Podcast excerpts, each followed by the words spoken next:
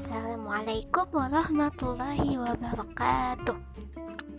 Nama aku dia. Dan Bismillah lah semoga aja Aku bisa bikin podcast yang isinya itu bermanfaat Buat orang-orang. Amin.